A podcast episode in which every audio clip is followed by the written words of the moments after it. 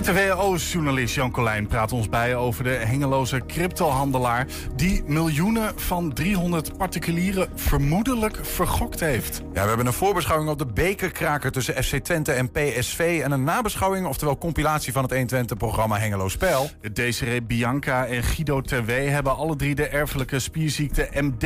Ze zitten straks aan tafel samen met Bas Lentverink... die meedoet aan de Garbage Run om geld op te halen voor onderzoek naar die spierziekte. En collega Ernst Bergboer die praat ons eh, bij over de raadsvergadering van Enschede gisteravond. Het is dinsdag 15 januari. Dit is 120 vandaag. 120. 120 De Hengeloze cryptohandelaar die miljoenen euro's deed verdwijnen... zou al het ingelegde kapitaal van zijn 300 klanten hebben vergokt op de cryptomarkt. Gisteravond eh, bekend. Vanavond is er een bijeenkomst voor de gedupeerde beleggers in de Grolsvesten. RTVO-journalist Jan Colijn heeft al een paar heftige verhalen over die zaak kunnen schrijven. Jan, goedemiddag. Goedemiddag, Niels. Um, ja, misschien voor mensen die daar nog niks van mee hebben gekregen... die, die zaak in een notendop, wat, wat, wat is hier aan de hand? Ja, gaat om een 23-jarige jongeman uit Hengelo. Uh, cryptogenie werd hij wel genoemd door zijn omgeving. Hij ging aanvankelijk wat, wat beleggen voor familie en vrienden. Uh, maar het balletje ging rollen. Mensen vertelden elkaar van uh, als je wat wil, nou ja, als je een gouden tip wil, ga bij hem beleggen. Opvallende van die zaak is ook wel dat hij niet alleen voor familie en vrienden dan belegde, maar ook voor uh, ja, uh, fysiotherapeuten, maar er zijn ook advocaten. En dat zijn toch mensen uit een beroepsgroep waarvan je mag verwachten dat ze op hun hoede zijn. Die, die met hem in zee zijn gegaan. En uh, vorige week, medio vorige week, barstte de bom toen hij iedereen aanschreef en vertelde van al het belegde kapitaal is verdwenen. Dus, ja. En dan gaat het waarschijnlijk om miljoenen, aangezien je het hebt over 300 personen. Minimale inleggeld was 5000 euro, maar sommigen zijn er echt voor 10.000 euro's bij ingeschoten. Ja, en die hebben nu dus vorige week te horen gekregen: jouw geld is footsie. Footsie, ja. En, en de grote uh, vraag die nu boven de markt hangt. Van, hij zit uh, waarschijnlijk op de Bahama's van ja, ons geld. Ja. Uh, maar daar is geen sprake van, want ze kregen geen contact meer met hem. Maar dat komt, zegt de politie, omdat hij op een ja, voor hem veilig adres is ondergebracht. En hij kreeg professionele hulp, want uh, ja, het, het, het, lijkt hem ook boven het, uh, boven het hoofd begroeid allemaal. Ja. En waarschijnlijk is het zo dat, dat hij ja, de boel min of meer heeft vergokt, zoals het heet. Niet in het casino, maar op de beurs. Door, aanvankelijk liepen de zaken goed, maar toen de eerste verliezen zich aandienen is die waarschijnlijk steeds risicovoller gaan beleggen. En uh, daarbij zijn steeds grotere bedragen omgegaan. En dat geld lijkt nu verdwenen. Ja, ja. De vraag die ik hier wel heel erg over heb is, hè, we noemen het dan vergokt. Uh, aan de andere kant zeggen mensen, ja, dat, dat is dan niet meer speculeren. Kijk, als je geld uh, belegt, de ene belegging is risicovoller dan de ander. Ja, dat, hangt, ja. Dat, dat ligt soms niet ver af van, van gokken. Hè. Je, je hoopt ja. dat het goed gaat. En zeker, we kennen de cryptomarkt zo volatiel als we dat noemen als die is. Hè. De ene keer gaat het heel erg goed ja. en de andere keer gaat het super slecht. Nou ja, nu is het slecht gegaan. Ja, een resultaat uit het verleden, hè? Dat bekende, de bekende kleine ja, ja.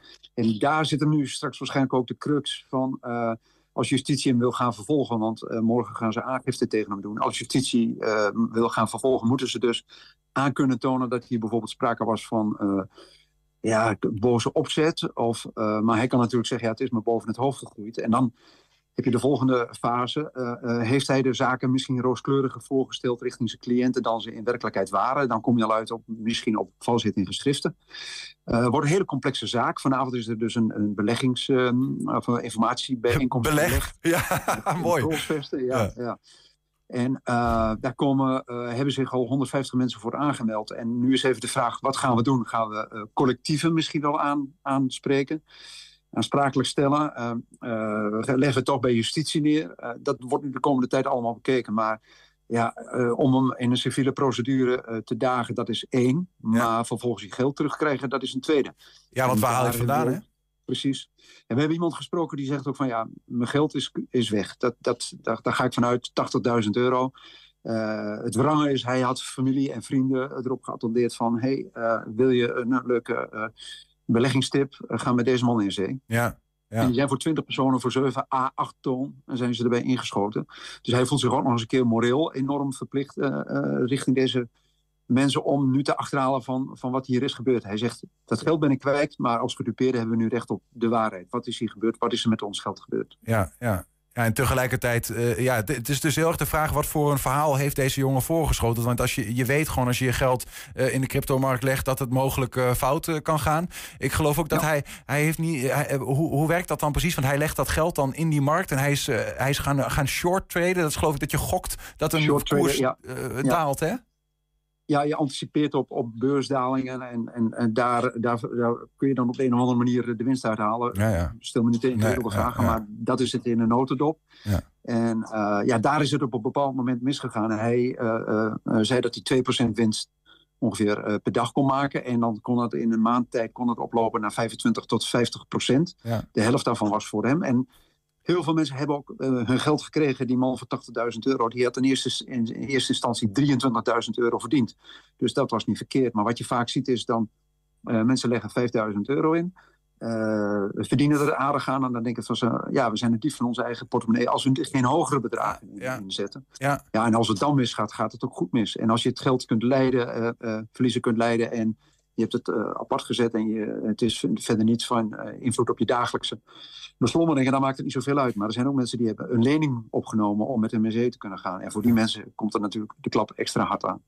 Ja, en toch, Jan, denk ik dan van, ja, dat is toch ook dan je eigen verantwoordelijkheid. Hè? Ik bedoel, uh, want uh, aan de ene kant uh, kun je juichen als je 20.000 euro in een maand erbij verdient. En denken, nou, dit is mooi. maar helaas, zo werkt het niet helemaal in de wereld, dat er zomaar een geldboom groeit. dus als het geld aan de andere kant weggaat, ja, ik vraag me toch, als ik dit zo hoor en dan een advocaat in de arm nemen en gezamenlijk een aangifte doen, dat komt mij toch ook een beetje over als een dubbele moraal of zo. Ja, niet helemaal. Ik snap wat je zegt. Maar uh, deze man had ook nog, jonge man had ook allerlei kleine lettertjes in zijn contract staan. Dat bij een, een minimaal rendement of zo, dat, dat hij dan zou stoppen. Uh, maar nu is dus gewoon echt alles verdwenen. En dat maakt het natuurlijk uh, lastig. Ja, ja. ja, en die jongen is ondertussen zelf, wat je zegt, de politie weet waar hij zit, maar hij is zichzelf ja. nou, helemaal mentaal kapot van, hè, begrijpen we. Omdat hij natuurlijk ook in de afgelopen periode was hij steeds meer van de radar gegaan, dat hij wel zag van, uh, dit, dit gaat niet de goede kant op. Daar lijkt het op. En, en dat is ook een van de, uh, een van de aspecten waar ze vanavond naar gaan kijken. in hoeverre hadden professionele instellingen als banken hebben die alarm moeten slaan? Hadden die ook vroegtijdig aan de bel moeten trekken? Want het gaat om een 23-jarige met enorme bedragen op zijn rekening. daar ligt ook een soort van zorgplicht voor een bank. Dus er zijn heel veel juridische haken en ogen aan deze affaire. maar het is wel duidelijk dat het heel lang gaat duren. We hebben in en dan heb ik het over eind jaren 90 van de vorige eeuw. Hadden we in de bij de Rabobank hadden we in Doetinchem. Uh, was de Den Anwas, dat was een beleggingsclub. En daarbij zijn ook heel veel mensen zijn voor enorme bedragen erbij ingesloten. En dat heeft ook echt jarenlang geduurd. Uh, een van de advocaten in deze zaak die hier nu naar gaat kijken is uh, Jeroen van, Lier van Damsteen Partners. Die was betrokken bij een eerdere rechtszaak rond piramidespelen. Dat heeft uiteindelijk geleid tot een verbod op die piramidespelen. Ja. Dus, en, maar dat, dan hebben we het over het proces van jaren. Ja, en het zou dat, zomaar zo kunnen dat het hier ook het geval Dat werd overigens, dat woord piramidespel hè, in het Engels Ponzi-scheme... Eh, dat werd ook nog wel genoemd in de artikelen die uh, jij hierover hebt gepubliceerd. Ja, uh, advocaat Arjon Tiemann die zag een soort van verband. Uh, de advocaat die ook vanavond die informatiebijeenkomst belegt... van wat ik hier zie lijkt een beetje op een piramidespel. Maar dat, kun je dat zo noemen? Want dat, dat is feitelijk dat je de ene persoon, de ene klant uitbetaalt... met het geld dat je van een ander krijgt... en doet lijken alsof je heel veel winst maakt. Maar dat is hier toch niet echt aan de hand, lijkt het nu, toch? Nee, dan uh, helemaal aan de top. Aan de top van de piramide, dat is degene die er, uh, die er wijzer van wordt. Dat was wel zijn eerste inschatting. Hij zei, uh, het heeft alle kenmerken van een piramidespel, van ponzi-fraude, zoals je dat noemt. Ja. Um, maar bij nader inzien lijkt dat hier toch niet het geval. Hij, hij heeft echt wel degelijk gespeculeerd met het geld. op een bepaald moment is het misgegaan. En, en toen heeft hij waarschijnlijk ehm, ja, steeds risicovollere beleggingen is die eh, transacties is die aangegaan in een poging uh, nog de meubelen te redden, te redden wat er te redden valt. En dat is wat, die, wat de familie, want de hebben, zijn gedupeerden, die hebben de familie weten te traceren. En dit zou de familie aan deze mensen hebben gezegd. En voor wat het waard is, zeggen ze. Dit is wat ons is verteld, maar aan de politie nu dus, dus gewoon de taak om uit te zoeken van wat hier wel is gebeurd. Je, je, kunt je er iets bij voorstellen hè, van wat dat dan uh, in het hoofd van zo'n jongen. 23 jaar, natuurlijk geen oude jongen. En uh, het, het, het, het, is wel even over deze jongen gesproken. Daar is natuurlijk nu wel een en ander over, uh, over bekend. Hè. Um, niet iemand van wie je zou verwachten dat hij. Um, nou ja, ook, ook niet, niet met het geld weggaat, zeggen mensen omheen. Nee. Maar ook niet dat hij onverantwoordelijke keuzes maakt. Hè? Nee, het is een, uh, een jongen enorm stipt. Ik sprak iemand die zei, uh, ik kon later om beelden bij de bewakingscamera terugzien. ik had een afspraak om half acht. Hij was er om twee minuten voor half acht. En dan wachtte hij keurig tot echt stipt half acht voordat hij aanbelde. Het was iemand die voetbalde bij HSC 21, uh, derde divisionist in, uh, in Haaksberg. Een begenadigd voetballer. Ik heb uh, vandaag nog filmpjes van hem gezien. Hoe hij bij ATC 65 uit Hengelo echt fantastische doelpunten maakt. Zelfs als, als linker verdediger. Echt een prachtig boogschot, hoog in de kruising. Fantastisch doelpunt. begenadigd voetballer. En in de selectie van HSC was hij ook ja, misschien bijna wel te lief voor, voor dat niveau. Hij was iets te bedeesd, begreep ik, tussen, de, tussen de regels door. Hij zou met HSC zou die op, uh, op trainingskamp naar Turkije, heeft zich op het allerlaatste moment eh, daarvoor afgemeld. Ja, en uh, naar verluid zitten er toch aardig wat spelers van HSC. Plus een van de trainers die schijnen uh, er ook voor aanzienlijke geldsommen bij in te zijn geschoten. Dus ja, ja, ja. Um, ja, ook in de voetbalwereld heeft hij geen vrienden gemaakt. Dus het maakt wel uh, ja. enorm lastig voor zo'n jongen die ook van zichzelf zegt: Ik kan geen nee zeggen. Het is een hele vriendelijke, bedeesde jongeman. Ja, en dan, dan overkomt je dit. maar Uh, het overkomt je dit. Daar zullen de gedupeerden toch waarschijnlijk iets anders nakijken. Ja. Die zullen waarschijnlijk zeggen van hij had eerder aan de bel moeten trekken en uh, hij is te hoog in de bomen gaan zitten. Maar nou ja, dat zijn allemaal speculaties. Vanavond in ieder geval die uh, informatiebijeenkomst in uh, de Grolsvesten. De, de inzet ja. is daar dan dus, want er komen best wel wat. Hè. Er zijn 300 gedupeerde, weten we nu. Uh, 150 mensen die, die, zich daar ongeveer over hebben aangemeld, begreep ik. Ruim 150. Ruim 150. Ja. Nou, is dat een soort van met elkaar uithuilen? Of er wordt echt nog wel wat bedacht, hè? Daar wordt een strategie nee, bedacht over hoe gaan we dit... Nee, Damstee heeft, uh, advocatenkantoor Damstee heeft echt met een team. Uh, meneer Tiemann, de advocaat, die heeft een team samengesteld van mensen. Er zit ook die Jeroen van Lier zit daarin.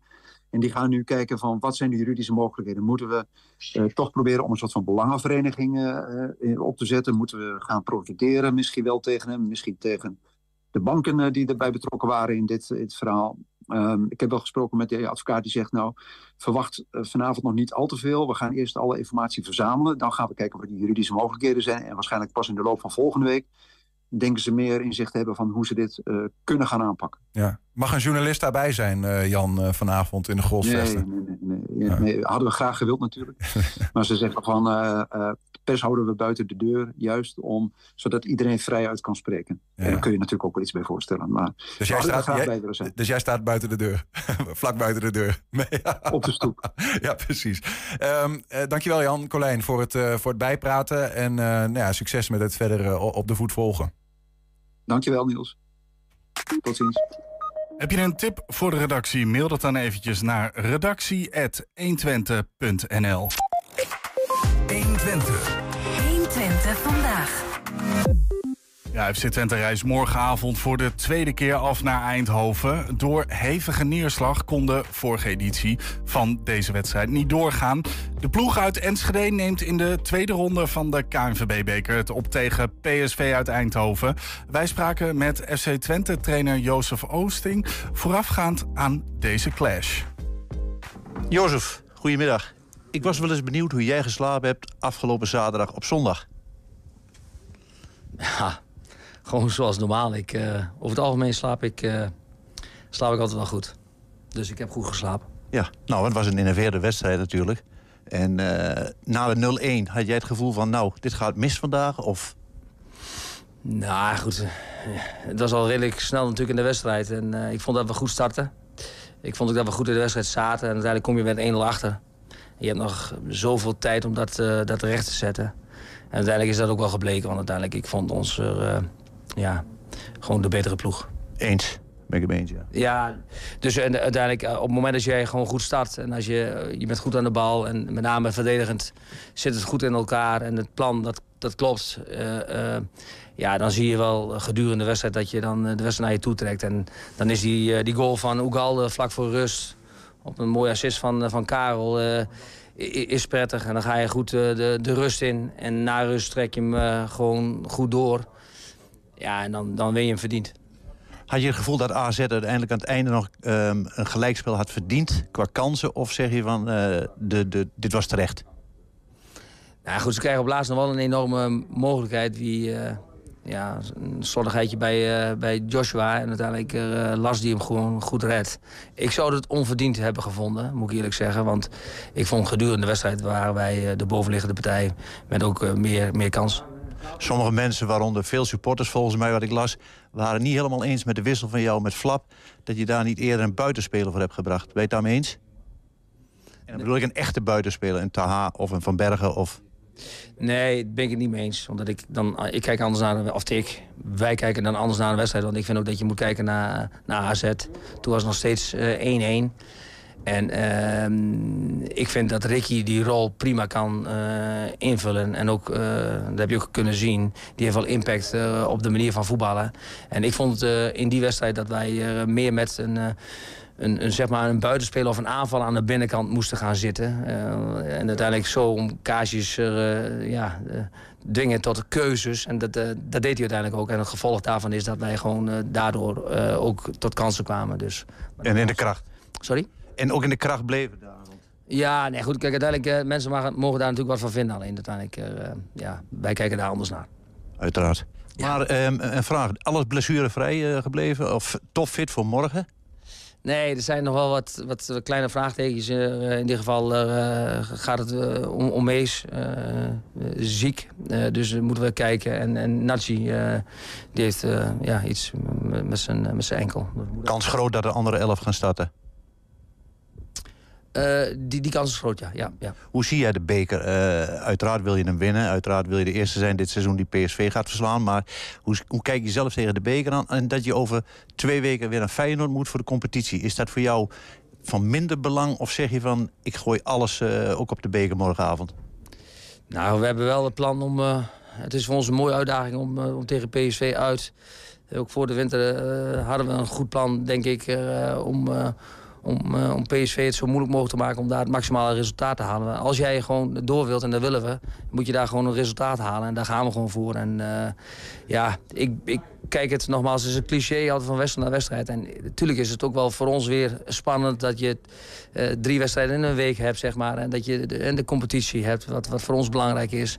Maar weliswaar natuurlijk ook, ook de beker. En daar hebben we met elkaar afgesproken en daar gaan we gewoon voor. En er komt een dag dat ze de eerste gaan verliezen, daar in Eindhoven.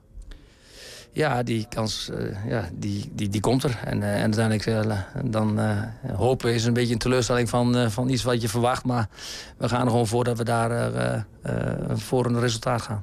Laten we gewoon 17-1 2024 als datum pakken dat dat de eerste dag is. als, dat zo, ja, als dat de datum is, dat is de datum. Maar goed, dan gaan we daarvoor. Succes. Dankjewel. 120. 120 vandaag.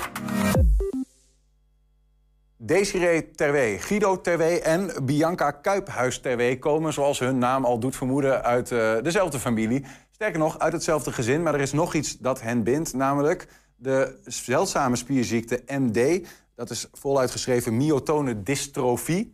Um, hoewel het de meest voorkomende spierziekte is, is er vrij weinig over bekend. Is het ook niet zo'n bekende ziekte. Dat gaat nu wat veranderen, want ze zitten hier aan tafel. Maar ook aan tafel um, Bas Lentverink. Hij is dan weer onderdeel van de stichting Klimop tegen uh, eh, MD. En gaat aankomende zaterdag vertrekken voor, om deel te nemen aan de Carbage Run om geld in te zamelen om nou ja, weer onderzoek te doen naar het MD. Dus daar hebben we het verhaaltje rond. We gaan met ze praten. Welkom allemaal. Leuk dat jullie er zijn. Dankjewel. Dankjewel. Um, uh, Bianca, Desiree, we beginnen even bij jullie. Ik heb begrepen, want jullie zijn hier nu met de drie TW's, zal ik jullie maar even noemen. Ja, dat er vijf TW's zijn. Jullie hebben nog uh, broers, zus, twee zussen. Twee zussen. Ja. Het is een zeldzaam, of het is een erfelijke ziekte. Ja. Maar zij hebben er... Nee, je hebt elk kind 50% kans. En zij heeft dus... Zij, mijn zus heeft het dus niet. En wat na mij komt, en de jongste ook niet. Ja. Ja. Die heeft dus ook niet uh, geërfd. Hebt pech gehad? Ja, ja. pech gehad, ja. Ja. Ja, zo voelt dat dan denk ik. Ja, ja, ja. ja. ja. Nou, ik ben wel blij dat we het alle drie hebben. En niet alleen dat ik bijvoorbeeld de enige ben. Ja, ja. Dan kun je wel, ja, dan kun je wel een beetje verdelen, uh, klachten. Ik ben blij dat mijn zus het niet hebben. Zo kun je er ook tegenaan kijken. Ja, ja. Alle, alle, andere twee hebben die, dus daar ben ik ook blij van. Ja. Guido, ja. Um, ehm, MD, ik zei al even, hè, het is de meest voorkomende spierziekte. Ja. Uh, en toch vrij, vrij onbekend. Wat is het eigenlijk voor, voor een ziekte? Myotone is uh, vertraagde ontspanning van de spier. Dus je krijgt kramp en, en dystrofie is spierzwakte. Verkramping, spierzwakte. Ja, dat is dystrofie, spierzwakte. Mhm. Maar het is niet alleen de spieren, maar ook de organen. Dus dat de hart, de longen, eh, darmen. Ja. En allemaal een pacemaker. Dus, eh, Het hart moet geholpen worden inmiddels. Ja. al. Het is een, zoals wij zeggen, progressieve ziekte. Hè? ja. Dus dat betekent dat het niet beter wordt. Het wordt alleen, nog- je gaat langzaam achteruit. En zijn levensverwachting is eh, rond de 60. Ja. Wat, wat, wat, wat, wat merk je ervan in het, in het dagelijks leven? Ja, ik wil er ook niet zo overheen stappen, want dat is nogal wat. En jullie zijn allemaal ongeveer rond de 40, geloof ik. Ja, Eh, bijna 50. bijna 5. Ja. Ja. Is dat een ding trouwens? Ja, ik weet, ben, ben jij de oudste? ja, ik ben de oudste, ik ben 49. 49? Ja. Ja, de- dan, dan heb je volgens de levensverwachting dus nog ruim 10 jaar. ja, maar dat gaat, zo denk ik niet. Daar ben je niet mee bezig. Nee. De ander kan morgen onder de trein komen, zeg maar. Ja, ja. Nee, daar ben ik niet mee bezig. Maar ik denk, ja, nee. Zie ik zo alweer, ja. Niemand? Of, of Nee. speelt het wel eens door het hoofd? Nee. Ja, Ja, wel soms. Ik hoop dat voor die tijd nog, eh, dat er nog iets komt. Dat ze iets vinden? Ja. ja. Ja, ja. Medicijn of, of eh, gentherapie, dat, wij, dat het gestopt kan worden. Ja. Dat we wel ouder mogen worden. Ja, ja. dan meteen misschien maar even naar, naar Bas. Want eh, Bas Lentering zit hier ook aan tafel. Jij hebt geen MD. Nee. Eh, maar jij hebt op een dag wel besloten... Ja, ehm, het, het was eigenlijk met een buurtfeest. En eh, eh, we waren met vier buurmannen, vijf buurmannen bij elkaar. Beklonken onder een biertje. Van, eh, hey, weet je, we gaan wat doen. We gaan wat doen voor het goede doel. En eh, dan gaan we bij de garbage run doen. En dan gaan we zoveel mogelijk geld ophalen voor het goede doel. En het goede doel is, omdat ze bij ons in de straat wonen... is MD geworden, myotone dystrofie. Want ehm, ja, ik zie dat vanuit waar ik, waar ik leef, zeg maar. En dat grijpt me gewoon heel erg aan. Ja, het wordt gewoon ehm, met het jaar slechter. En alles wat je verliest, krijg je niet terug. En ehm, ja, er zijn heel erg veel ja, eh, spierziektes of hoe moet je het noemen... eh, ja, eh, eh, van, van, die rare dingen waar ze nog niks op weten. Maar daar moet dus juist geld voor vrijkomen. En daarom zijn we die stichting begonnen. Ja. En niet dat we het geld eerst naar een andere stichting moeten doen... zodat er weer wat tussenuit garig wordt. Maar dat we gelijk kunnen doneren aan de gentherapeut... zodat we het goede werk kunnen voortzetten. Ja, dat zij onderzoek kunnen doen. Ja. Ehm, eh, misschien toch even om dat, dat zeldzame aspect even wat ehm, concreter te maken, Guido. Hoeveel mensen hebben MD Eh, de mensen die het weten zijn er ongeveer 9000. In heel Nederland? Ja, maar die het weten. Er zijn er veel meer mensen die het niet weten. Ja. Die hebben vage klachten, maar niemand weet hoe of wat. Moet zich nog openbaren. Hoe, hoe, hoe weten we dat dan, dat ze het niet weten? Eh, Ja, omdat het gewoon eh, eh, bij ons, wij wisten het eerst ook niet. En dan komt opeens komen we met vier mensen eh, dat we MD hebben. Mijn vader dan en ja. wij drie. Want het begon bij jou, hè, Guido? Ja, ik had heel erg last van hoofdpijn. Toen moest ik door een scan. En dan kwam ik bij de neuroloog. Ik gaf die man een hand. Die man zei, je hebt een spierziekte.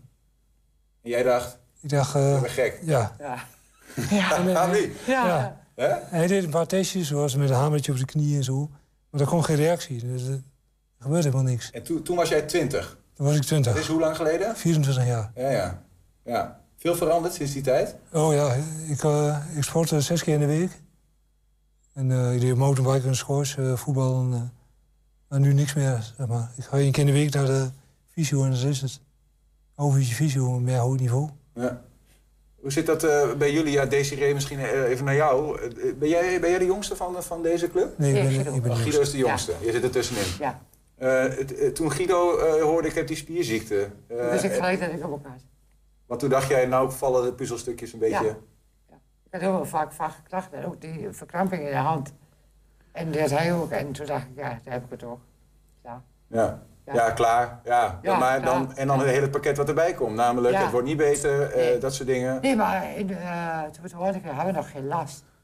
Maar je krijgt nou steeds met dingen, je kunt dingen niet meer. Je kunt niet meer bijvoorbeeld met vrienden uitgaan. Je kunt, je kunt heel veel dingen kun je gewoon niet Je meer. wordt geïsoleerd. Ja, Je wordt het gewoon in een klein kringetje, dat is het. Ja, je, je wordt steeds meer beperkt Ja. in wat je kunt. Ik vind het vooral heel erg om te zien eh, dat een gezin gewoon gigantisch gesloopt wordt. Terwijl er gewoon niks aan te doen is. Ja, want dat is even eh, om het dan. eh, eh, Het is niet, niet altijd een prettig. Nou, sterker nog, dit gesprek, we hopen dat het prettig is, maar de onderwerpen zijn minder. Jullie vader, Bianca, Ja. ehm, eh, overleed toen hij 64 was. Ja, Had ook MD. ja maar hij, had, eh, hij was wel vaak moe, maar hij had mindere vormen. Wij, wij hebben een, graad erger, zeg maar. Want het wordt met de generatie. Ja, dat Kan, ja, met de generatie wordt het erger. En vaak geeft een man minder erg vorm dan een vrouw. Een vrouw geeft vaak, vaak eh, een, een graad erger. zeg maar. Wist, maar ik, wist jouw vader dat hij MD had? nee. Ja, pas toen, toen ik het wist. Ja, toen, wij, ja, En toen, toen- maar toen was hij al op leeftijd, denk ik. Was hij al... ja, toen, ja, toen was hij ook 24 jaar al in de geleden. 50, denk ik. Ja. ja. Maar ja, toen, toen waren we maar met Ja, bij vijf. hem begonnen ze ook later. Hè? Bij ons is in puberteit Ja. begonnen. Ja. Bij hem, hem rond de 40ste. Ja. Maar heel concreet, hè, Bianca, bij jou bijvoorbeeld. Hoe uit, hoe uit dat zich? Wat, wat, wat, ehm, ja, wat kun jij niet dat een mens zonder MD wel kan? Nou, ik heb bijvoorbeeld... eh ik eh, noem eens vandaag dingen potjes losdraaien, uh, dieren randspuiten, uh, haarlak dat niet. eh. Maar wat voel jij dan? Want jij, je Ik weet kan ook niet verlopen. vingers in je- om, om wel ge- gevoel in je vingers of in je handen ik te heb wel hebben. gevoel. Ja, maar om wel kracht te hebben. Wat, wat, wat ervaar jij dan dat dat niet lukt? Om voor ons om het te begrijpen hoe jouw lichaam in elkaar zit. Ja, ik heb gewoon de kracht. Je kunt bij mij, denk ik, de, de kracht van iemand van 80. Mijn, hoe mijn lichaam werkt. Ja. Dus, eh, Een beetje iets van 30 jaar ouder eh, qua lichamelijk. Geestelijk niet, maar lichamelijk. Met dingen, gewoon de dingen, dagelijkse dingen. Lopen gaat heel moeilijk. eh, ja, eh, hm? Vermoeidheid en buikpijn. ja, vermoeidheid en vaak buikpijn. Ja. En daardoor, word je, doordat je het heel vaak hebt, word je ook dingen, dingen beperkt. Kun je niks, want, want kijk, uiteindelijk hè, we gaan ze nog wat, wat, wat verder met Bas ook praten. Die wil natuurlijk nu geld inzamelen voor Ja. onderzoek. En, eh, je, je, hebben jullie iets? Heb je iets van een medicijn of iets dergelijks, eh, Desiree, wat je... Nee, is helemaal niks. Een paracetamol. Nee, is helemaal niks. Paracetamol, ja. Nee, is helemaal niks. Van wel, ja. Ja, nee, Is- is helemaal niks. Nee, is helemaal niks. Hoe kan dat eigenlijk? Ja, weet je, hoe vraag ik aan de verkeerde, dat snap ik ook wel. Maar als het de meest voorkomende spierziekte is... Kijk, even MS bijvoorbeeld is ook... eh, maar dat is geen spierziekte, Nee, hè? dat is serieus. Dat zijn bekende ziektes, maar dit is een spierziekte. Ja, het is de meest voorkomende, maar de meest onbekende. Ja, Ja. ze weten nog, de kennis is nog niet zo groot. Maar het hoofd zit ook zo apart in elkaar. En bij iedereen is het weer anders. Weet Ja. je wel? En het uit zich ook bij iedereen op een andere manier. En dat is het vervelende eraan. Tuurlijk, uiteindelijk we allemaal dezelfde klachten. Maar het begin is allemaal anders. Omdat elk lichaam anders is. Ja. En vanuit daar kan Ja. niet iemand, een neuroloog, kan bewijzen van zeggen van... ja, ik kan mijn vinger erop leggen, dit en dat moet aan gedaan worden. Ja. Want het is voor iedereen anders. En, en, de symptomen, alle drie ook anders. en de symptomen zijn heel breed. Ja, want, wat even, want jij beschrijft net even hoe jij er last van hebt. Ja, ik heb dan, ja, ik nee, geen kracht in de vingers meer. En in de benen. Desiree, hoe gaat dat voor jou? Ik heb heel veel last van vermoeidheid. Vermoeidheid. Maar de stand van de handen, eh, stand Ja. van het gebit, eh, Ja, dat is Ja. beweging. Ja, gezicht kun je zien bij ons Ja. allemaal. Van het, Ja. We hebben tetmond, mond hangt open. eh, Guido, hoe voor, voor jou? Waar, waaruit het zich... eh, jij zegt net al, ik kan niet meer sporten. Nee, eh, ja, ik, moest, eh, ik ben gestopt met werken. Kon niet meer volhouden. En vooral, ik heb heel veel eh, darmklachten. Zo ik eh, veel op de vizier zit, zeg maar. Ja, ja, ja, ja, ja. Die ken je van binnen en van buiten inmiddels. Ja, Ja. ja, ja. Ja. ja, ja, maar da- daardoor word je ook beperkt. Het is vaak ook s'nachts, dus dat is helemaal vervelend. ja. Dus als je ergens komt, dan scan je eerst even de ruimte van... Ja, eh, ik heb hier al gekeken waar de vizier zat. ja, ja, precies. Ja. Ja. Vrij plotseling dan ook. Of je kunt het... eh, Nee, ik weet niet wanneer dat Ga met gebeurt. twee seconden gaat. Ja, ja, precies. Ja, ja. Ja. Ja, ga zo. Ehm, eh, een, een ander pijnlijk eh, hoofdstuk in, in, in jullie leven, Desiree, is eh, voor jou dat jij eh, een, een kind verloor dat, dat niet, nooit eh, tele- eh, goed tot leven geboren is, zeg maar. Die is met 20 weken zwangerschap uh, afgelopen. Heeft dat hiermee te maken gehad? Ja, het kindje was uh, aangedaan en had de ergste vorm, was niet levensvatbaar. Ja. Ja. Heftig. Ja. Is het, is het ook, ehm want jullie vertellen net, die ziekte, dat is een erfelijke ziekte en met de generatie wordt die eigenlijk erger. Ja. Speelt dat tussen de oren als je de vraag hebt, ja, ga ik aan kinderen beginnen, ga ik dat niet doen? Ja. Ja, daar Ja. wel. Ik was uh, uh, zwanger terwijl we niet gepland hadden, maar dat was wel heel gewenst. Maar toen, ja, helaas, uh, 50-50 verhaal. Ja. Maar de, want dat kind had ook, uh, dat kon je al zien, dat hij die spierziekte Ja, had. het liep al achter in de groei, was al helemaal, uh, was ook niet levensvatbaar. Nee. nee. Even 20 weken zwangerschap is hij geboren, maar ik heb nu wel een gezonde zoon. Oké, okay, ja. en, en die heeft geen. Uh, nee. Dat is, ja, dat is, ja, dat voelt een beetje. Dat is bijna uh, roulette dan. Het kan nee, zwart, kan ik rood. heb dat, nee, dat hebben we via het ziekenhuis gedaan allemaal. Ja, oké. Okay. En dan kun je voorkomen dat hij die, die ja. spierziekte meekrijgt. Ja, ja. Aha. Ja. Ja, hebben, hebben jullie. Uh... Nee, ik niet. Nee. nee. niet. Ook geen. Ja, nou ja. Als zover dan nu nog kan. niet meer. Nee, nu nee. zit dat te denken. Ja. Nee. nee. nee. Um, ja, Bas, naar jou, je zei al even, hè, uh, ik wil je iets aan doen. Ze wonen in mijn straat, althans een aantal, sommigen wonen in Geesteren. Dat is hij. Ja, precies. Anderen komen weer uit uh, waar, waar Gabrinkhoek, de, waar de familie vandaan komt. Um, uh, Zaterdag Garbage Run. Ja. Je, je gaat zelfs naar eh, het hoge noorden, heb ik begrepen. Wat ga je allemaal doen? Rovaniemi, de dorp van de kerstman. Ja, ja, precies. Ja. Lapland. Ja, het was daar afgelopen week min 43,6. En eh, wij dachten van, weet je, we, we, we, zijn met vier jongens wat die, wat die, wat die run gaan doen. We weten helemaal niks van auto's. Ja, eentje weet er wat van. Maar eh, we weten verder helemaal niks van auto's. Zeg maar, hetzelfde wat hun hebben met leven, zeg maar, dat het gewoon vol beperkingen zit. Willen wij zeg maar, laten zien dat wij in een week door meest gigantische kou wat kunnen doen. Door samen te werken. En zoals wij ook bij die stichting bezig zijn, door samen geld in te zamelen, kunnen we het grote doel kunnen we zeg maar, eh, ja, steunen daarin.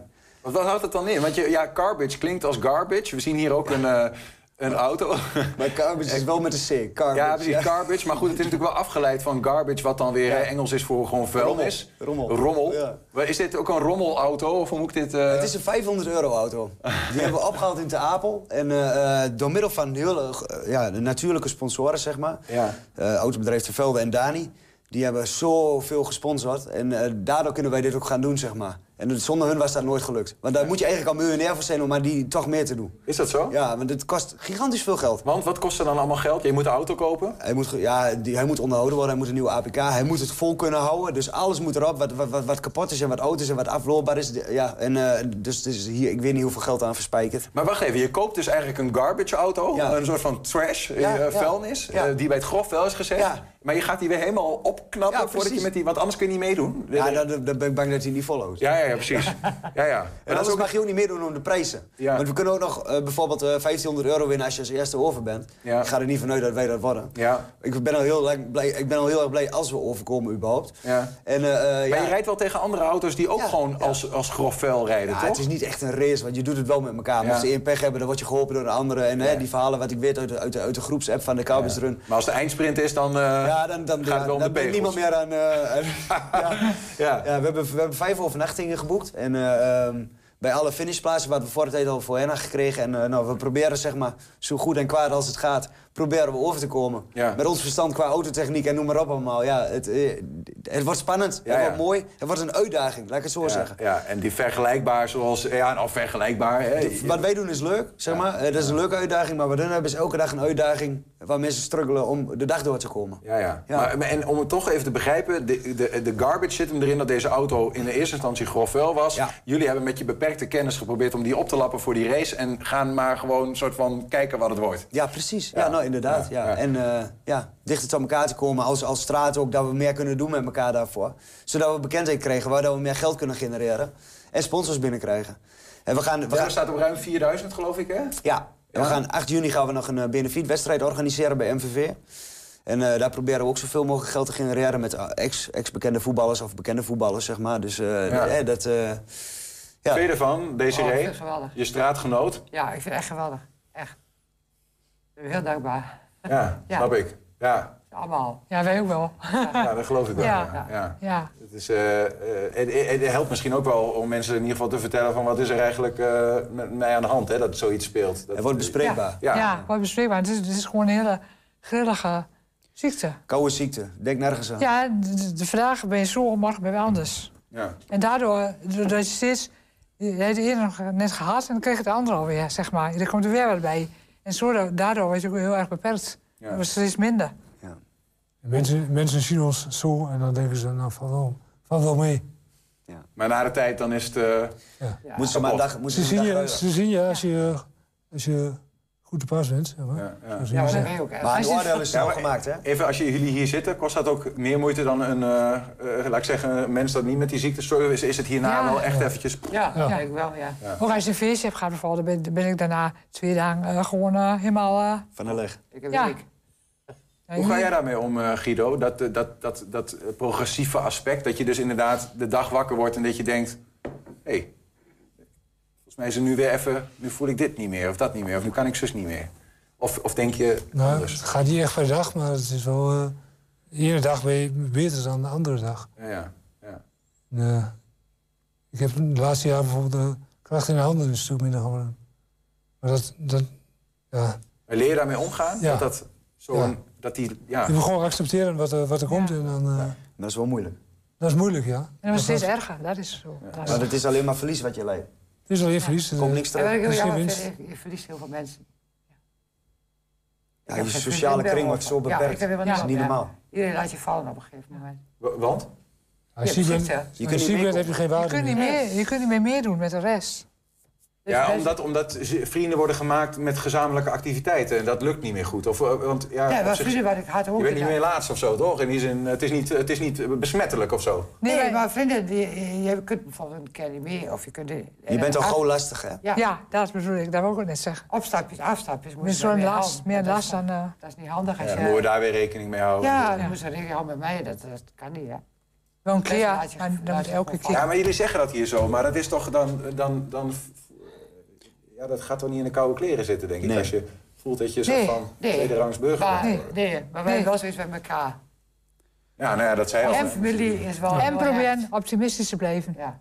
Zo goed en kwaad als het gaat. Zijn jullie elkaars beste vrienden geworden? ja, eigenlijk wel. Ja, Ja. Ja, wel, ja. ja. Maar ik denk dat dat wel het, zeg maar, het enige mooie is aan dit, zeg maar. Dat er drie mensen met hetzelfde zijn. Die kunnen met elkaar de smart delen en, en, en, en, en, en vreugdelijke momentjes opzoeken, weet je wel. Ja. Daar, daar hoeft niemand geen rekening mee te houden, maar dan zijn we met z'n drieën. En dan, eh, ja. Daarover gesproken, eh, een dorpsgenoot en ook een bekende zanger inmiddels bijna, eh, Job Lentverink. Ik weet niet of dat eh, toevallig is. Mijn broertje. dat is jouw broertje, kijk aan. Deed mee aan The Voice of Holland ook, hè? Klopt. Hij heeft een liedje geschreven, ja, nou niet geschreven, maar eigenlijk gezongen speciaal voor... Ingezongen met de muziekfabrieken eh, hebben, we de, hebben de plaat opgenomen. En, wat is daar de achtergrond van? We is eh, Samen zijn, even, dat is een bekend liedje. Maar... Ja, we wouden eh, het nummer samen zijn gebruiken omdat het makkelijk is. Het is voor, het is voor iedereen eh, is, is, is, het- is het te volgen. En de, de tekst wat daarin staat, dat is eigenlijk gewoon zeg maar, waar het om gaat. Iedereen wil samen zijn. En dat wordt gewoon moeilijk gemaakt door ziektes. Want dan kun je niet altijd meer samen zijn. Of er valt iemand weg, of dit en dat. Of je kunt door je ziekte niet ergens bij zijn. Ja. Dat soort dingen allemaal. En toen hebben we gezegd van, nou, weet je wat? We gaan ons eigen nummer zingen. En gaan we kijken of we daar nog wat mee kunnen doen. Promotiemateriaal. En hebben we Job gevraagd of hij dat wou. En dat wou hij wel. En we vonden dat het aardig goed gelukt was. Ja, tenminste, ja. Stukje gaan luisteren? Ja, leuk. Ja. Ja. Ja. Samen zijn is samen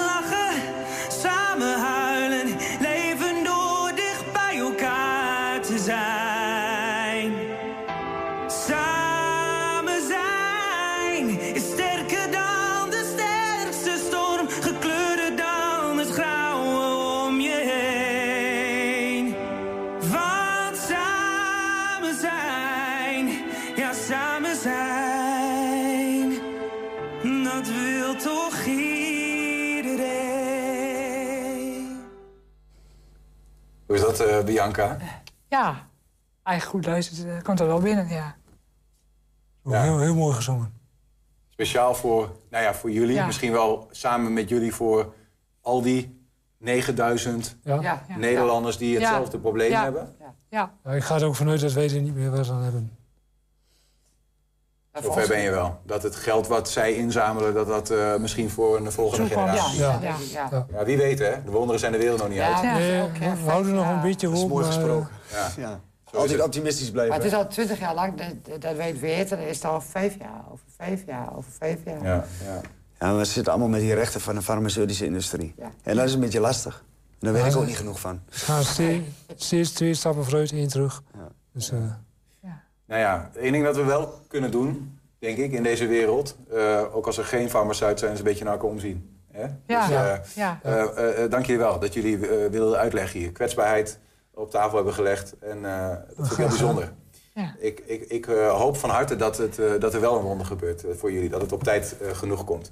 nou, hoe samen Ja. Dank. En eh, Bas, aardig. Klik op samen.nl. klimopsamen.nl, dat is hem hè? Ja, dat is de site en dan kunnen jullie even op die site kijken. Als je dat wil en als je daar tijd voor hebt. En, eh, ehm, het- het- alle kleine beetjes maken één groot iets. Dus ehm, alles wat je kunt missen, probeer er wat, ja, probeer er wat aan te doen.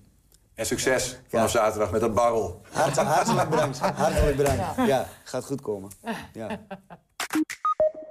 Ja, we zijn ook als podcast te beluisteren via alle bekende platforms. Je vindt daar de hele uitzendingen en iedere dag één item uitgelicht. En zometeen praten we met collega Ernst Bergboer over de raadsvergadering van gisteravond in Enschede. 120. 120 vandaag. Ja, James Keuben is nog maar 25 jaar, maar wordt dit jaar tot priester gewijd. In de maandelijkse talkshow Hengelo Spel vertelde hij deze maand over zijn roeping. Verder in de uitzending aandacht voor de verkiezing van de Vrouw van het Jaar in Hengelo. Een initiatief van onderneemster Mufide Halacheli, zelf winnaar van de award in 2002.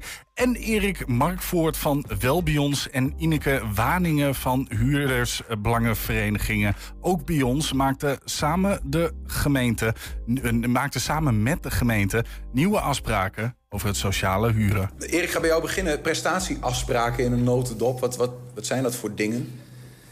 Dat zijn uh, afspraken waarin, uh, nou ja, om te beginnen, de, de huurders, maar ook de gemeente ons aan uh, gaan houden. op het punt van de prestaties die wij geacht worden te leveren. Het is niet alleen eenrichtingsverkeer, van wel bij ons in de richting van bijvoorbeeld de huurders of de gemeente, maar het is ook wel tweerichtingsverkeer. Maar het gaat erom dat wij in dit geval in Hengelo, het geldt natuurlijk voor het hele land, overal worden die gemaakt, maar dat wij in dit geval voor Hengelo goede afspraken maken over bijvoorbeeld de nieuwbouwproductie. Uh, waar ga je die grotendeels uh, realiseren? Welk deel van die nieuwbouwproductie is sociaal? Hoe gaat het met leefbaarheid? Hoe gaat het met het verduurzamen? Ja. Over het algemeen een stuk van vier, vijf, zes kantjes. En we doen het al vanaf 2015. Ineke, um, je zit hier aan tafel even als uh, spokesman van de huurders. Hè? Wat, was, wat is voor jullie de inzet eigenlijk als je dan zo'n gesprek ingaat? Wat vind je vooral belangrijk om te bewaken? Nou, met name de, de huurprijzen natuurlijk. En, en ja. de, de, dat de woningen uh, goed zijn, goed opgeleverd worden. Dat er mensen tevreden zijn in hun omgeving. Zijn blij mee dat, dat, de, de, dat ze veel gaan bouwen. Want er is gewoon ontzettend tekort aan woningen op dit moment. Kijk, we zijn, ik weet niet of u bekend bent met de containerwoningen in Groot-Driene. 200 containers. Tijdelijke, tijdelijke woningen? Ja, daar waren we gewoon ontzettend blij mee. Mm -hmm. Want dat heeft een hele hoop opgelost. En uh, dat ze nu weer uh, veel woningen gaan bouwen, ook met name in, in de sociale sector. Dan uh, de verkiezing van de vrouw van het jaar, Hengelo, is na bijna 20 jaar weer terug. En nou, bij ons is een mevrouw die hem 20 jaar geleden ongeveer een keer won. Onderneemster Mufide Halasseli. Je hebt gezegd, ja, sinds dat je hem eigenlijk zelf won in 2002 is er eigenlijk nog niet zo bijster veel veranderd... als het gaat om de waardering van uh, vrouwen... en uh, de daarmee samenhangende rechten die we met z'n, met z'n allen hebben. Dat... Nee, klopt. Uh, ik zie niet, niet zoveel verandering. neem bijvoorbeeld de salarissen. Mm -hmm. De ongelijkheid in de salarissen. Ook bij hoogopgeleide vrouwen, dames en, en heren... zijn ook ongeveer 8 tot 13 procent een salarisverschil. En dan kun je zeggen, misschien is het niet zoveel... maar op een carrière kan tonnen verschil ah. maken. Maar, maar goed, de, de, vrouw van het jaarverkiezing, Hengelo, die is nu dus terug. Uh, ja. die, uh, dat is niet per se om die vrouw uh, zeg maar te laten zien van... oh, wat ben je toch goed dat je al die balletjes hoog houdt. Nee. Maar ook om een verandering te bewerkstelligen in dit. Hoe, hoe gaat dat werken?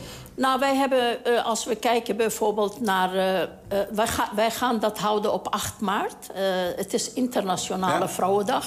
En dan gaan wij ja, stilstaan op 8 maart. Hè. Dat, dat was... In 1908 uh, is die beweging al uh, begonnen. Dat vrouwen meer rechten, uh, recht wilden, geen kinderarbeid, gelijke positie. Dat begon op 8 maart? 8 in maart in 1908 ja. in New York en Chicago gingen ja. vrouwen uh, straat op. En, en als wij hier in Nederland kijken naar bijvoorbeeld Aleta Jacobs... die heeft ook gezorgd dat vrouwen voor kiesrecht... als wij... Het gaat niet alleen om... om die verkiezing, maar gaat om de kwaliteit van het leven hè, voor, voor vrouwen. En, uh, maar hoe gaat dat helpen? Hoe, stel dat, uh, hè, want er zijn voorlopig aardig wat aanmeldingen. Je noemde ja. net even de website. Als mensen willen aanmelden, dan kan dat. Of andere aanmelden kan ook. Ja. Maar hoe gaat dat nou? Straks wordt er iemand gekozen op 8 maart. Uit een heel aantal genomineerden. Is nog ja. finalisten en dan is de verkiezing, geloof ik. Ja, klopt. Wat, wat, wat gaat dat nou helpen? In het nou, systeem? Nou, wij willen gewoon uh, uh, vrouwen een, uh, een podium geven. En zodat ze een rolmodel kunnen zijn. En ook andere, andere vrouwen inspireren. Um, hij schuift alvast aan. Welkom. We gaan praten met James Keupen, 25 jaar oud. Maar hij wordt dit jaar als priester gewijd. Um, trouwen met de kerk, zoals hij dat zelf uh, noemt. Hij gaat aan het werken in Hengelo en, uh, en omgeving. Uh, in een aantal parochies. James, welkom. Leuk dat je er bent. Het bestaat blijkbaar nog in deze tijd, zou ik bijna zeggen. Ja. Ja. Ja, dat blijkt. Ja. Ja. En nou ja, goed, er zijn denk ik veel mensen die zeggen van dat is een bijzonder besluit. Want je gaat nogal wat, ehm, wat aan dan. Toch? Ja, het is, het is meer dan alleen maar beroepskeuze. Hè? Dus het is een beroepskeuze die tegelijkertijd ook een, ook een levenskeuze is. Die, Ja. eh, die op het vlak zit van, nou ja, eh, je hele leven erin betrekt. eh. Ja, behoorlijk. Maar het is nog niet zo ver als een non die het klooster ingaat... en die nooit weer de, de buitenwereld ziet. Of... Nee, dat niet. Dus het is, niet, het is, nee, het is geen keus om een contemplatieve religieus te worden, zeg maar. En in een slotklooster te zitten. of Zo. Ja. Dus je, je leeft wel gewoon... als, je, als je priester bent voor het bisdom, dan, dan leef je wel gewoon onder de mensen, ja. Ja, precies. Maar goed, eh, iets als, want het hangt natuurlijk wel een beetje boven het celibaat en zo. Dat zit er nog steeds wel in, toch, als je priester bent? Ja, ja. Ja. dus op het moment dat je diaken gewijd wordt... met de intentie om priester te worden... dan eh, eh, beloof je op dat moment om ongehuwd te blijven leven. Wanneer gaan de formele stappen nog plaatsvinden dit jaar? Eh, nou ja, daar heb ik net van de week eh, bericht over gekregen. Dus dat is nog niet gepubliceerd. Maar eh, de diakenwijding zal in juni zijn, op eh, 1 juni. En de priesterwijding op eh, 9 november. Kijk, bij deze gepubliceerd. Ja. Dankjewel voor die primeur. Ja, Hengelo Spel is terug te zien op het YouTube-kanaal van 120 Hengelo. En donderdagavond te zien om 10 uur bij 120 op het televisiekanaal. Dan kun je ook kijken naar het optreden van Mari, die gisteravond ook optrad. 120. 120 vandaag. Het was een eh, door de weekse gemeenteraadsvergadering in Enschede gisteravond. Er werd niet gestemd, geen besluiten genomen. Wel gepraat, zo gaat het met vergaderingen. Eh, over onder andere bijvoorbeeld rijksbezuinigingen en een naderend ravijnjaar. Nou ja, eh, dat vraagt al genoeg eh, uitleg. En een eh, ethisch kader voor keuzes bij technische en AI-toepassingen in, eh, in de gemeenteland. Dat is ook wel wat waar we over kunnen praten. En dat gaan we ook doen eh, met de collega Ernst Bergboer... die dat gisteravond zo alles gadesloeg. Of niet dan? Zo was het, eh, Niels. Ja, we beginnen maar even bij Ravijnjaar. Daar houden we van. Hè? Eh, Dat, dat klinkt eh, spannend. Klinkt dramatisch. Ja, Ja, precies. precies. 2026, dat is het ravijnjaar. En dat is een financieel ravijnjaar. Dat is het jaar waarin het kabinet, kabinet Rutte 4... eh, een bezuiniging op het gemeentefonds heeft aangekondigd. Betekent voor Enschede een korting op het gemeentebudget... van zo'n 30 tot 35 miljoen euro structureel. Dat is een naderend financieel ravijn. Vandaar ravijnjaar. Ja, ja. En dan hebben heel veel gemeenten in Nederland hebben gezegd... eh, dank je de koekoek, wij gaan niet eh, die bezuiniging doorvoeren. Dus we gaan gewoon in het rood staan... en we geven een signaal af aan het Rijk. Ja, dat is eh, deze zomer al gebeurd. Hè. In de zomernota heeft ook Enschede, dat- zeg ik niet goed, in de meerjarenbegroting heeft Enschede geen rekening gehouden met die korting op dat gemeentefonds. Die heeft gewoon gezegd, ja, dat kan niet. Ehm, dus we gaan, we gaan dat niet doen. Dus dat betekent dat die begrotingen vanaf 2026 rode cijfers laten zien. Eh, en dat is dat signaal naar het Rijk van ja, het, het, het is wel aardig dat jullie dat allemaal willen, maar dat gaan we niet doen. Eh, Mhm. Want dat kan gewoon niet. Dan kunnen wij onze burgers niet dienen zoals we dat met elkaar hebben afgesproken. We hebben, eh, wat, je hebt wat fragmenten meegenomen, ook van gisteravond. Vertel, waar gaan we naar kijken? Nou, we gaan kijken naar Mark Teutelink. Die heeft samen met Roelof Bleker bij de Vereniging Nederlandse Gemeentes... dat is hè, die club waar al die gemeentes onder vallen... die hebben eens in de zoveel tijd een ledenvergadering... en dat was afgelopen december ook het geval. Daar hebben zij een motie, dus zeg maar een voorstel ingediend... Ehm, en eh, dan gaan we even luisteren naar, eh, naar Mark Teuteling wat hij daarvan zegt. U heeft eh, een brief daarvan voor ons eh, ontvangen. Die hebben wij geagendeerd. En daar wil ik een paar kleine dingen voor zeggen... voordat ik u het woord geef.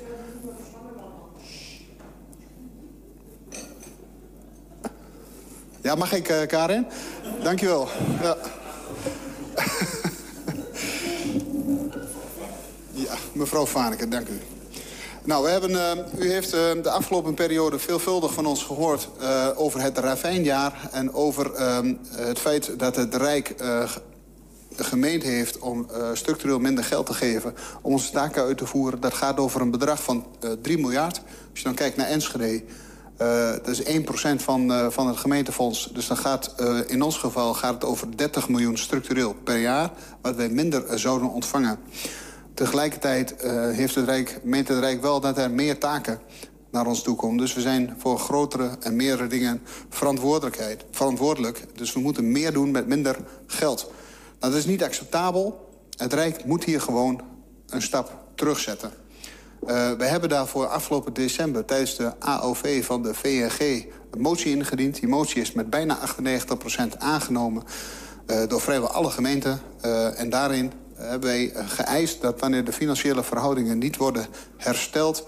eh, dat we dan eh, zullen gaan eh, praten over de zogenaamde teruggeefgesprekken. Met andere woorden, dan gaan we taken teruggeven aan het Rijk. Ik kan u daar wel iets meer over vertellen als u dat wilt. Want wij zijn ondertussen eh, natuurlijk veel verder eh, bezig. Met andere woorden, eh, het, eh, de, de gesprekken zelf. In ieder geval kijken wat we dan eh, zouden moeten teruggeven. Daar zijn we, hebben we een begin mee gemaakt. Ik ga volgende week naar de G40 bijeenkomst... om daar met allerlei gemeenten van vergelijkbare grootte ook te praten... om dat gezamenlijk eh, te doen... Uh, en dan gezamenlijk op te trekken richting het Rijk... om alvast aan te geven wat we dan zouden uh, gaan doen. Dus ik hoor eigenlijk uh, in een notendop de wethouder hier zeggen... die samen met Roelof Bleken, de burgemeester van Enschede... die motie indiende. Mm -hmm. uh, heel gemeenteland, 98% van de gemeenten die zeggen... is prima Rijk als je in 2026 zegt... jullie krijgen minder geld... Maar dan gaan wij, ensemble, uh, kijken welke taken we terug over de schutting gaan gooien. Want dan gaan we het niet meer allemaal doen. Exact wat het is. Dat, dat behelst de emotie. Dus het is echt van, uh, hey jongens, dit, dit, gaat niet en we gaan het ook niet doen. Dus als jullie het toch doorzetten, dan gaan we taken teruggeven. Maar kan dat zomaar? Nou, staat, uh, ik denk dat dat zomaar kan. In die zin, dat is niet helemaal waar. Maar de overheid heeft een aantal klassieke taken. Hè, zorgplichten voor ons, voor ons allemaal. Gaat over woning, gaat over verdeling van welvaart, gaat over volksgezondheid. Dat soort taken. Um, en die moet de overheid uitvoeren. Maar wie die overheid is en hoe dat precies georganiseerd wordt, dat is vers 2. Een aantal van die taken heeft vroeger, uh, ik noem even de participatiewet, de bijstand, de WMO, de jeugdzorg, zijn in 2015 van de provincies overgeheveld naar de gemeentes. Dus anders georganiseerd. Die gemeentes zeiden overigens, kom maar op, want dat kunnen wij prima. Want die zagen de miljarden wel komen natuurlijk. Nou, dat viel bitter tegen. Dat is echt een, best wel een beetje een drama geworden. Een, een hoofdpijndossier voor eigenlijk alle gemeentes. Maar dus hoe je die taken dan precies en waar je die belegt, ja, dat is maar de vraag. Dat is een kwestie van afspraken maken tussen al die lagen van overheden, landelijk, provinciaal en lokaal. Dus als die lokaliteiten, als die gemeentes allemaal zeggen van ja jongens, dat gaan wij gewoon niet meer doen, ja, dan, dan, dan heeft, heeft het Rijk, het kabinet, dus een oproep aan het kabinet, nieuwe kabinet. Um, dan moeten ze iets anders verzinnen of zo. Dus ja, dan, uh... Maar is dit gewoon powerplay? Is dit voor de bühne? Wat moet ik hier nou mee, jongen? Want ik denk ook van ja, je moet toch met elkaar een beetje het land kunnen besturen? Ja, dat is natuurlijk een interessante, uh, goede vraag ook, denk ik. En dat is altijd lastig om precies achter die schermen te kijken. Maar ik heb de indruk dat die gemeentes, uh, dit, speelt al een tijd. Hè. We refereerden al even aan de afgelopen zomer. Er was ook een discussie. Sharon Dijksma, de voorzitter van de VNG sinds een tijdje... heeft in de zomer uh, behoorlijk fel uitgehaald richting Rutte... en gezegd, dit kan zo niet. Ging over diezelfde korting, zeg maar, op dat gemeentefonds. Dit gaan gemeentes niet trekken. Je kunt niet en... Nou ja, uh, de energietransitie, klimaatverhaal, de woningnood het allemaal bij die gemeentes neerleggen en vervolgens geld afromen. En gaan, uh, dat, dat gaan die gemeentes niet trekken. Uh, dus dit, die verhouding ja. tussen gemeentes ja. en het Rijk... Staat wel op scherp. Die staat al een tijd op scherp. En dit is wel een soort nou ja, formalisatie, zeg maar, formalisering... van die, van die verscherpte verhoudingen. Ja. En de gemeentes hebben nu een standpunt ingenomen. Dus dit is ik denk dat dit best heel serieus is. Wat zegt het eigenlijk dan tot slot hierover hoor? Maar wat zegt het nou dat Enschede blijkbaar die motie indient bij de VNG, de, de Vereniging van Nederlandse Gemeenten? Ja, dat weet ik niet. Het is natuurlijk een, een, een ding waar heel veel gemeentes mee zitten. Enschede is wel. Zij nemen het voortouw. De... Ja, die nemen het voortouw. Nou ja, Enschede bungelt uh, in, in sociaal-economische lijstjes uh, nog steeds altijd wel een beetje. Het, het wordt wel een beetje beter, maar is wel een van de zwakkere broeders in gemeenteland. Dus de nood in Enschede is ook het hoogst. Tegelijkertijd proef je ook wel, en ik noem maar even die participatiewet. We hebben daar heel veel aandacht aan besteed, ook hier bij 120. Bijstand. Ja, bijstand, daar is best veel veranderd. Uh, en, en ik heb de echte indruk dat het college het ook anders wil doen. Niet meer zo streng. Meer die menselijke mate, meer zorgen voor de inwoners. Daar hebben we ook geld voor nodig. En, daar is ook geld voor nodig, ja. dat kost ja. geld. En op het moment, en, en Enschede wil echt niet terug naar een een, een, een, een heel mager armoedebeleid bijvoorbeeld. Uh, dus ik denk dat de, de nood is hoog. Um, en dat hoor ik meerdere wethouders zeggen hè, op dit vlak. Ook uh, Arjan Kampman spreekt zich daar landelijk duidelijk over uit. Nou ja, dit is een motie die dan over het geld gaat. Maar daarmee natuurlijk ook nou ja, alle taken die de gemeente hier in Enschede uitvoert. Dan ging het ook nog over, uh, ja, het is een beetje een volle uh, mond vol, maar een ethisch kader voor uh, nou ja, AI-toepassingen, technologie binnen gemeenteland. Ja.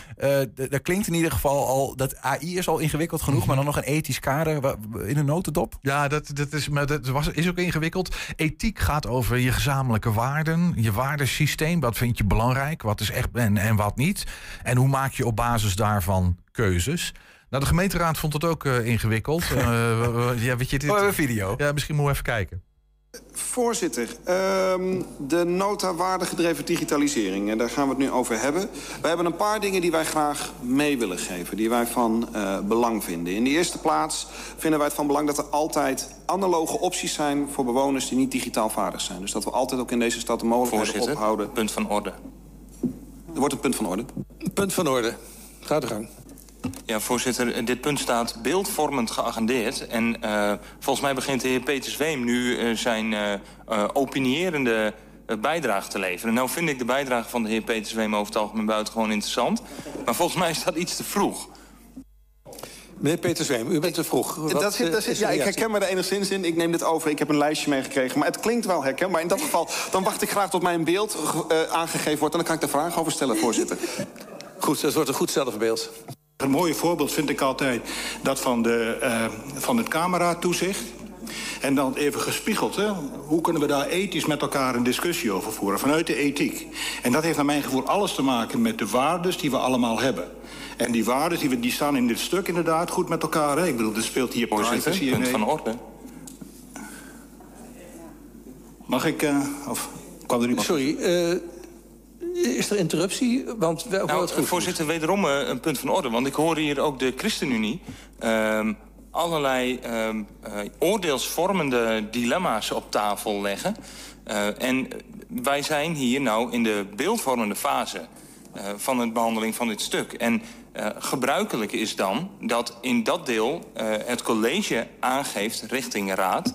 eh, waar nou de angel zit en welke dilemma's... en eh, hoe het college tot een bepaald standpunt is gekomen.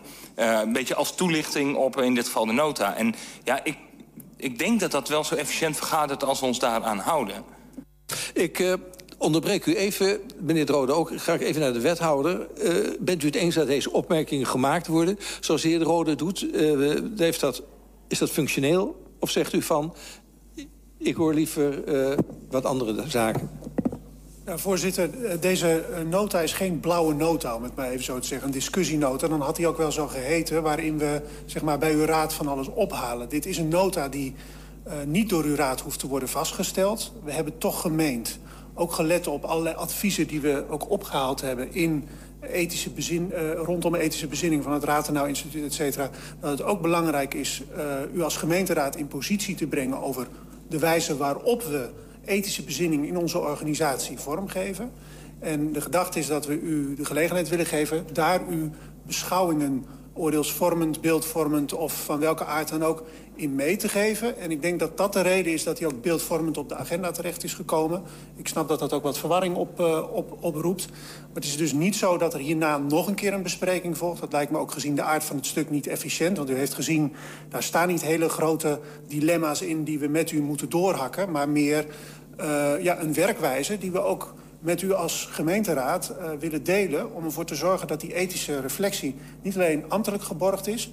maar ook vanuit de politiek gevoed wordt. Eh, Nu heb ik even behoefte aan, aan een samenvatting van jouw kant, eh, Ernst. ik, kan, ik kan me nog iets voorstellen. Ik, ik heb het even laten zien, omdat ik het gewoon grappig vind. Je ziet, hier ligt een, een, een, een nota op tafel die gaat over ethiek en die gaat over waarden. En dan, ja, de gemeenteraad weet niet goed wat ze daarmee moeten. Want die kunnen niet zeggen van, dit, we gaan hier een beslissing over nemen of zo. Hè?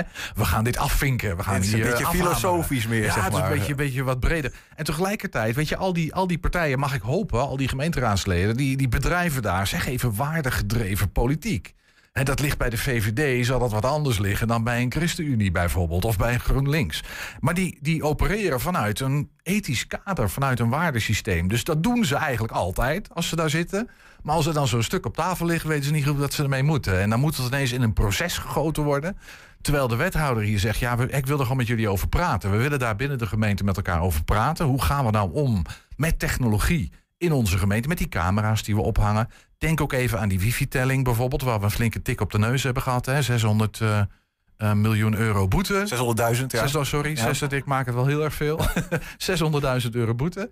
Ehm, dus daar speelt nogal wat. En die technologie die schrijdt wel voort. Hartstikke handig, maar het roept ook allerlei vragen op. Nou, dat ethisch kader is bedoeld om daarover, zowel met die ambtenaren Maar ook die wethouders zeggen, ja, ik wil ook de politiek erbij betrekken. Wat vinden jullie daar eigenlijk? Maar is er dan gisteren nog uiteindelijk een ei overgelegd... of is het vooral gegaan over het proces? Nou, het is wel een klein beetje een ei overleg. Misschien moeten we daar even naar kijken. want Het gaat, het gaat wel, het klinkt nogal abstract. Maar ik noem wel die, ka- die camera's bijvoorbeeld en die wifi-telling. Het gaat over heel concrete dingen. Misschien moeten we dan nog even naar die laatste bijdrage. Althans, dit is een andere bijdrage die ook heel concreet is wel. Een paar weken geleden was er een stuk in Eén Vandaag. En daarin stond ook... ambtenaren bij de gemeente gebruiken volop ChatGPT. 74% van de ambtenaren gaf aan het te gebruiken. Terwijl bijvoorbeeld voor rijksambtenaren eh, wordt afgeraden. Eh, dat, is, dat mag ook gewoon niet. eh, omdat de data dan geüpload wordt als je dat gebruikt. Ehm, dus ik ben wel benieuwd of, of, of dat wel of niet hierbij hoort. En, en of nou bijvoorbeeld zo'n specifieke technologie... Of, of, of daar dan een ander moment voor komt om het daarover te hebben. Of dat dat eigenlijk ook al de bedoeling is om bij dit ethische visie... om, om ook al een soort van eh, gesprek over spe- specifieke technologieën te voeren. Ehm, Ja, dat is eigenlijk dezel- dezelfde vraag die Erik Kemp hier eh Ja, stelt. en hij noemt dan weer een heel concreet voorbeeld, hè, J- ChatGPT. En hij, hij ging, ging er later nog even over dat je kan je voorstellen... als je een beleidsnota moet schrijven als ambtenaar... dat het heel handig is om ChatGPT te voeden met een aantal... eh, nou ja, van, eh, dat en dat en dat. En dan rolt daar een keurige beleidsnota Schrijf eens uit- iets voor me, ja. uit. Maar is dat wat je wil? Ehm, dat is hartstikke handig, hè? want anders is zo'n eh, ambtenaar daar misschien wel maanden mee bezig. En Chat- ChatGPT, eh, die, eh, die heeft je in 10 eh, minuten ligt daar een prachtige beleidsnota. Ja. Eh, Er scheelt heel veel tijd, dus dat is fijn, efficiënt. Tegelijkertijd, ja, maar, maar moet je dit willen? En zo ja, waarom wel? Of zo nee, waarom niet? En hoe Ja, je dat? en hij heeft het ook over dat je dus dan data aan ChatGPT voert... eh, die mogelijk beschermd is of vertrouwelijk is. En Exact. nou, moeten we wel richtlijnen voor Dat afspreken. is één probleem. Een ander probleem bij, bij ChatGPT is dat je de bronnen niet kan achterhalen. Dus je, je, je kan achteraf niet zeggen van ja, maar waarom heb je nou dit, waarom staat dit, dit nou in die beleidsnota? Waar heb je dat nou vandaan? Ja, dat kan weet ik waar vandaan komen. Eh, Geen idee. Dus die controleerbaarheid is ook lastig, die transparantie. Maar is daar dan gisteren iets over, eh, uiteindelijk wo- iets over eh, knoop over doorgehakt? Of is het een beetje toch bij een bespreking gebleven? Nee, het is echt wel bij een bespreking gebleven. Het is ook lastig om hier een knoop over door te hakken. Ik denk elke keer. Ik, de- de- de- de- het idee van die, van die, van die notie, die, van, die, van die nota die daar ligt, is dat zowel ambtenaren als ook. En daar moet wel een soort van verkorte versie van komen. Maar misschien ook in de politiek. Van dit zijn een beetje. Dit is de ethiek waar we rekening mee willen houden. Als er concrete dingen op tafel komen. Stel, hè, we willen surveillancecamera's op een bepaalde locatie. ehm, eh, met gezichtsherkenning. Bijvoorbeeld, want we hebben daar veel overlast. Gaan we dat nou wel of niet doen? En hoe wegen we dat dan? Wat zijn de voordelen? Wat zijn de nadelen? Wat levert het op? En welke risico's loop je daar ook? Nou, eh, die, die, die nota is daarvoor bedoeld. En in dat soort concrete voorbeelden is dat een soort handvat waar je dan op terug kan grijpen. Van het is wat we, met, we hebben vastgelegd met elkaar. En dat biedt in ieder geval een beetje houvast. Ja, ja. Maar die nota is dus wel gemaakt. Die nota is gemaakt. De, ethische commissie. De, er is een ethische commissie waar onder andere, volgens mij zit Erik Kemp daarin. Dacht ik, maar ook Peter Paul Verbeek bijvoorbeeld, de techniekfilosoof, die we hier natuurlijk ook wel eens eh, kennen, Enschedeer, die heel veel over deze thema's nadenkt. En in essentie komt het erop neer dat technologie ontwikkelt zich heel erg snel. Eh, en wordt op de markt gezet, kan je dus gebruiken. Terwijl we met elkaar democratisch nog niet hebben afgesproken wat we nou eigenlijk van die techniek wel en wat we niet willen. Dat is een dilemma. En daar zit je natuurlijk een beetje middenin. En dat democratische gesprek, ja, dat, we moeten dat met elkaar beslissen. En dat is natuurlijk wel een politieke afweging. Van hoe doe je dat nou samen? Nou, die notie is, of die nota eh, wil daar een beetje een voorzet voor doen. Een soort van een moreel kompas is er Eigenlijk gesmeed eh, gisteren. Precies, ja. Maar lastig kletsen in zo'n concrete gemeenteraad die alles in processen wil zien. Snap je? En dat is bij dit thema natuurlijk lastig.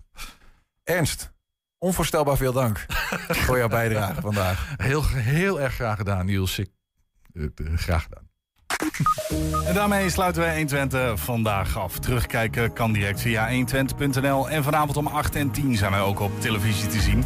Zometeen op de radio kun je luisteren naar Henk Ketting met de ketreactie. Wij zeggen veel plezier en tot morgen. 120. Weet wat er speelt in Twente. Met nu het nieuws van 5 uur. Goedemiddag, ik ben René Postma. Nieuwe drugs moeten meteen worden verboden.